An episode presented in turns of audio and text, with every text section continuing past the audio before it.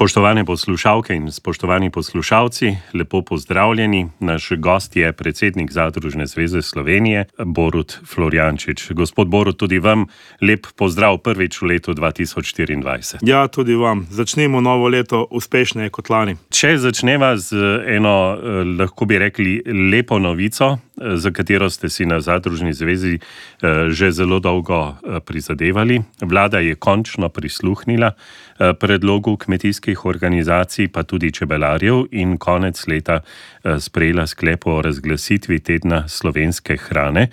Letos ga bomo torej novembra prvič obeležili. Kako vse skupaj zdaj vidite? Ja, končno je bilo slišeno, kot ste, kot ste rekli, tudi eh, ideja eh, Zveze čebelarjev, nas in še ostalih stanovskih organizacij, da se razširi iz tega tradicionalnega slovenskega zajtrka na teden, da se še močneje eh, zavežejo tudi ostali akteri k čim večjemu deležu slovenske prehrane, še posebej v javnih zavodih.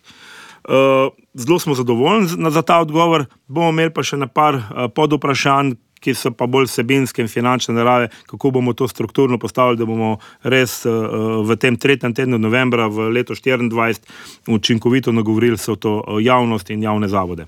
Eh, ko sem lani spraševal na ministrstvo glede tega, zakaj že lani ne teden slovenske hrane, je med drugim bil odgovor: ni finančnih sredstev. Eh, zdaj vidim, da je nekako o tem zapisano tudi, da se finančna sredstva ne bodo širila, čeprav se dan širi na teden. Eh, to je ena taka zanimiva kontradikcija. Ja, vsaka stvar v bistvu resnično nekaj stane, ampak, kot sem rekel, mi jih bomo nagovorili sigurno složno vse organizacije, ki smo to predlagali, da se zaveže tudi ne samo koliko finančnih sredstev in tudi koliko zadev pa lahko mini, resorno ministrstvo tukaj uh, pripravi, da bo ta teden čist, da bo, kot sem rekel, učinkovit, ne more biti na plečih uh, organizacij, enem večje, enem manjše, mislim, da mora to strukturirano ministrstvo peljati, kot je tudi do zdaj. Eh, kaj od torej, ministrstva, pa tudi potem od drugih uh, deležnikov, recimo uh, tudi občin, pravzaprav pričakujete? Ja, na koncu konca pričakujemo se prav to v okviru te ukrepljene promocije za širšo javnost, pripravo strokovnih gradiv za, za te vzgojno-varstveno izobraževalne ustanove, pripravo teh jedilnikov pred, s prednostno nabavo lokalnih živil, da bo nekaj od tega tedna hrane, da ne bomo ostali samo pri besedah, da se bo dejansko poznalo v tistem tednu tudi v lokalnem okolju, da, je, da gre za povečano porabo sveže slovenske hrane. Torej, eh, lahko rečemo, zelo spodbudna novica za konec leta, ampak druga, ki pa bolj skrbi, je, da uh, novi koraki na področju zagotavljanja sledljivosti, označevanja porekla živil, vse to je tisti temelj, na katerem bo lahko gradil uh, tudi teden slovenske hrane. Uh, tam pa ni bilo novih korakov. Se pozna odsotnost ministra? Ja, prav gotovo se izredno pozna odsotnost ministra celo jesen in eh, z novo leto smo zakorakali, ker veliko stvari se je nabralo. In uh, en od teh ukrepov, se pravi, pobuda za zagotavljanje sledljivosti uh, v javnih stanovah, dejansko nis, nimamo odgovor na, odgovora, premaknili se ni nič naprej. Pa še druge, tudi pomembnejše zadeve stojijo. Uh, ja, to je dejstvo. Če ni, če ni uh, glavnega, se določene stvari pač ne odloča in ostanejo na mizi. Jeseni eh, ste rekli, da gre pravzaprav za enostavno izvedljiv ukrep, eh, samo potrebno je zapisati zadeve še vedno to, to pravimo. Skratka, želimo, da se usedemo za mizo, tudi v dialogu z, z predstavniki javnih zavodov in uh, da skupaj predebatiramo, ampak eh, dejansko ne zahtevam nekih podrobnih analiz in uh, prikazovanja tega. Mislim, da že os, osnovna pravica državljana je pravica po informiranosti in ne na zadnje, kot, kot starš ali pa vem, kot skrbniki, je najmanj, kar lahko pričakujemo, da če nekaj plačamo za našega člana družine ali bližnjega, da bomo vedeli, kakšno hrano je. Zato, zato mislim, da je to ena od osnovnih pobud, ki je pravilna, pravična in dosti enostavno izvedljiva. Eh, gospod Borod Florjančič, še vedno v Zadružni zvezi eh, Slovenije eh, stojite za stališčem, da pravzaprav finančnih posledic to skoraj ne bo prineslo, bo pa prineslo velike pozitivne gospodarske, okoljske, tudi promocijske posledice. Prav gotovo in tako eh, bi rekel, en pozitiven psihološki pritisk na, na odločevalca, da bo vsakeč, ko bo pogledal te deleže, vsekakor pretehtal, kaj bo naredil ali bo naročil ne vem, neke uh, roladice iz Polske in otrokom ponudil. Mogoče pa bo od lokalnega peka raje vzel domače, sveže pecivo iz slo, slovenske moke, slovenskega sadja. Naš gost v današnji oddaji je gospod Borod Floriančič, predsednik Zadružne zveze Slovenije. Stopili smo v novo leto, odprtih je precej vprašanj. Najbolj je med ljudmi decembra odmevala košarica, tisto neverjetno znižanje z reski po 2 evra, kruh po 19 centov in tako naprej. Ljudje so si privoščili zelo različne šale. Slišal sem, da v Zadružni zvezi Slovenije zahtevate od ministrstva, da preneha s tem projektom. Je to res? Ja, res je. Smo že takoj v začetku opozarjali, da, da košarica ne sodi na stran naša super hrana. Uh, košarica je ratala neko, nek, neka uh, pravlična zgodba, cesarjeva nova oblačila, kjer govorimo o nekem, bi rekel, socialnem ukrepu do prebivalstva. Nažalost je res Slovenija tako, da je ne vem, nekje 250 tisoč državljanov pod pragom revščine. Pak, če ti želiš narediti ukrep, moraš narediti silni ukrep, da ga ta državljan čuti, da ga dobi in da mu je lažje v teh socialnih stiskah. Če pa razprši z nekim ukrepom, ki pritiska na, na celo verigo, za znižene cene. Skratka, dobili smo vem, podatke o govejem mesu tudi po evro, pa pol kila, nihče pa ni vprašal ključno stvar. Koliko tega mesa dejansko je bilo na razpolago?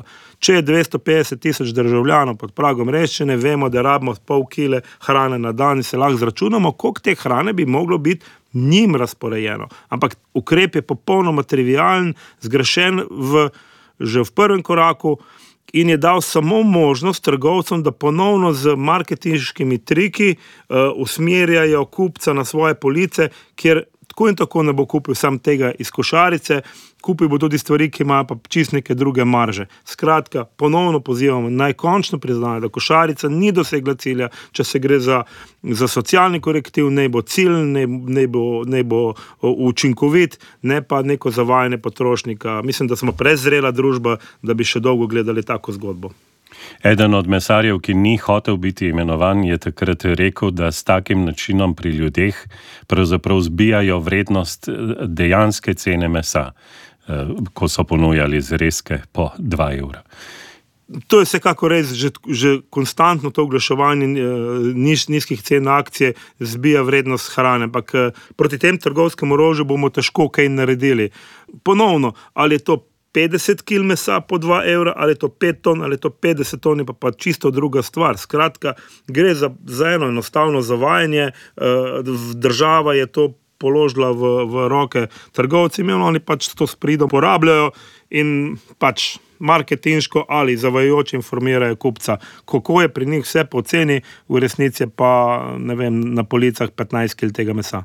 Eh, ko sva že pri mesu, gospod Borod Floriančič, kako je zdaj eh, s potekom postopka, da bi prišlo končno do uvedbe masnih bilanc za nepredpakirano meso. E, tudi to je projekt, ki ga pravzaprav na Zadružni zvezi Slovenije že e, mesece porivate naprej. Ja, po izredno intenzivnih aktivnostih v lanskem poletju, ko smo se skupaj prvič uh, dogovorili, vse stanovske organizacije, skratka, od začetka verige, se pravi od kmetov, od sindikata, pa do konca, do, do predstavnikov, se pravi trgovcev, trgovinska zbornica se kasneje ni primakni, premaknilo uh, naprej. Skratka, nimamo medresorske delovne skupine, ki bi se začela ukvarjati z strokovnimi izhodišči, kako bomo ta informacijski sistem pripravili, kako bomo spremljali te količine, uh, uh, da čas teče.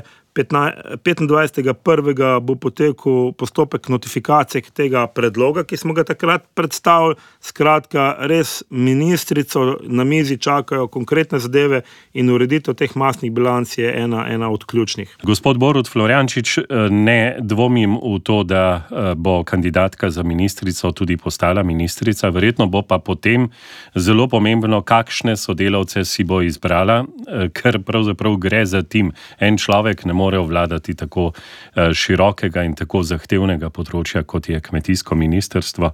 Zdaj razmere slišim uh, od nevladnih organizacij na kmetijskem področju niso dobre, nimate sogovornika.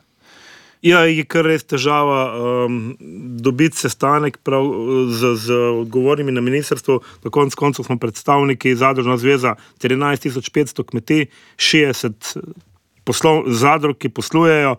In bi res zaslužili, ne, da konstantno prosimo, pozivamo, uh, zahtevamo sestanek, pa ga ne dobimo. Ampak verjamem, da bomo zdaj z prihodom ministrice z eno večjo intenzivnostjo, mi smo pripravljeni in smo navajeni trdo delati, uh, tudi od jutra do večera, uh, da, dobimo, da dobimo termin, da dejansko predstavimo vse te ključne vprašanja razvoja, ki so strateško naravnana, se pravi, govorimo o ukrepih, ki bo imeli posledice še 5-10 let od zdaj. Govorimo o, o organizacijah proizvajalcev, go, govorimo o ustrezni, ustrezni postavitvi kolektivnih naložb. Uh, res si želim konstruktivnega pogovora, kajte na koncu koncev naši predlogi govorijo o dobrobit kmetijstva, ki je skrbnik podeželja, skrbnik okolja, po drugi strani pa te ukrepi so naravnani, tudi na cilj, uh, pomemben za vse slovence, zagotoviti zdravo, kvalitetno slovensko hrano. V slovenskem prostoru se uh, kmetijstvo pravzaprav ukvarja, kako prilagoditi strateški načrt, ki smo ga začeli že lani izvajati. Uh, sem pa slišal, recimo v Avstriji, da že aktivno pripravljajo nov strateški načrt po letu 2027. Bil sem presenečen, ampak uh, to je verjetno tudi razlog, da tam razmere potekajo čisto drugače. Ja, si, en moj prvi pomislek je bil, ko smo se leta 2021 ukvarjali s strateškim načrtom, ki smo videli težave v načinu odločanja. Skratka, eh, odločanje mora bazirati iz cilja in iz samih podatkov, kakšno kmetijstvo imamo v Sloveniji. Skratka, če določenemu sektorju ali pa segmentu kmetijstva nameniš en ukrep, kaj lahko pričakuješ. Ali stabilno predelavo hrane, ali povečano, ali večjo kvaliteto. Ampak nekaj tega strateškega pogovora o naših, o naši, o naših kmetijskih sektorjih še ni bilo in je zadnji čas. In se popolnoma strinjam, danes ali pa včeraj je bil zadnji čas, da se pogovarjamo o novem horizontu strateškega, strateškega načrta. Če bomo spet postavljeni v to časovno stisko, bomo spet dobivali vem, cele pakete, stotine in stotine strani za čez noč, da podamo mnenje. Jaz mislim, da bi se že danes mogli začeti oblikovati delovne skupine, ki bi pripravljali eh, pakete podlag za na, na odločanje, dogovoriti o skupnih ciljih in jih potem zagrizti. Avstrijci prav gotovo edin prav ravnajo, da so pripravljeni na vse te ukrepe Evropske unije, ki vidimo, da so zadnje leta če dalje bolj okoljsko naravnana, ne zavedajoč se, da bomo potem pa, kot že tisočkrat povedano, odvisni od tujih trgov in s tem tudi skrajno ranljivi. Čaka nas kar zahtevno leto, imamo občutek, gospod Borod Floriančič, hvala lepa za uh, gostovanje v oddaji in vse dobro naprej. Vse dobro, vse dobro tudi vam, uh, nam kmetijstvu pa želim čim bolj normalno vreme, da saj to leto zvozimo v nek, okvirih neke normale.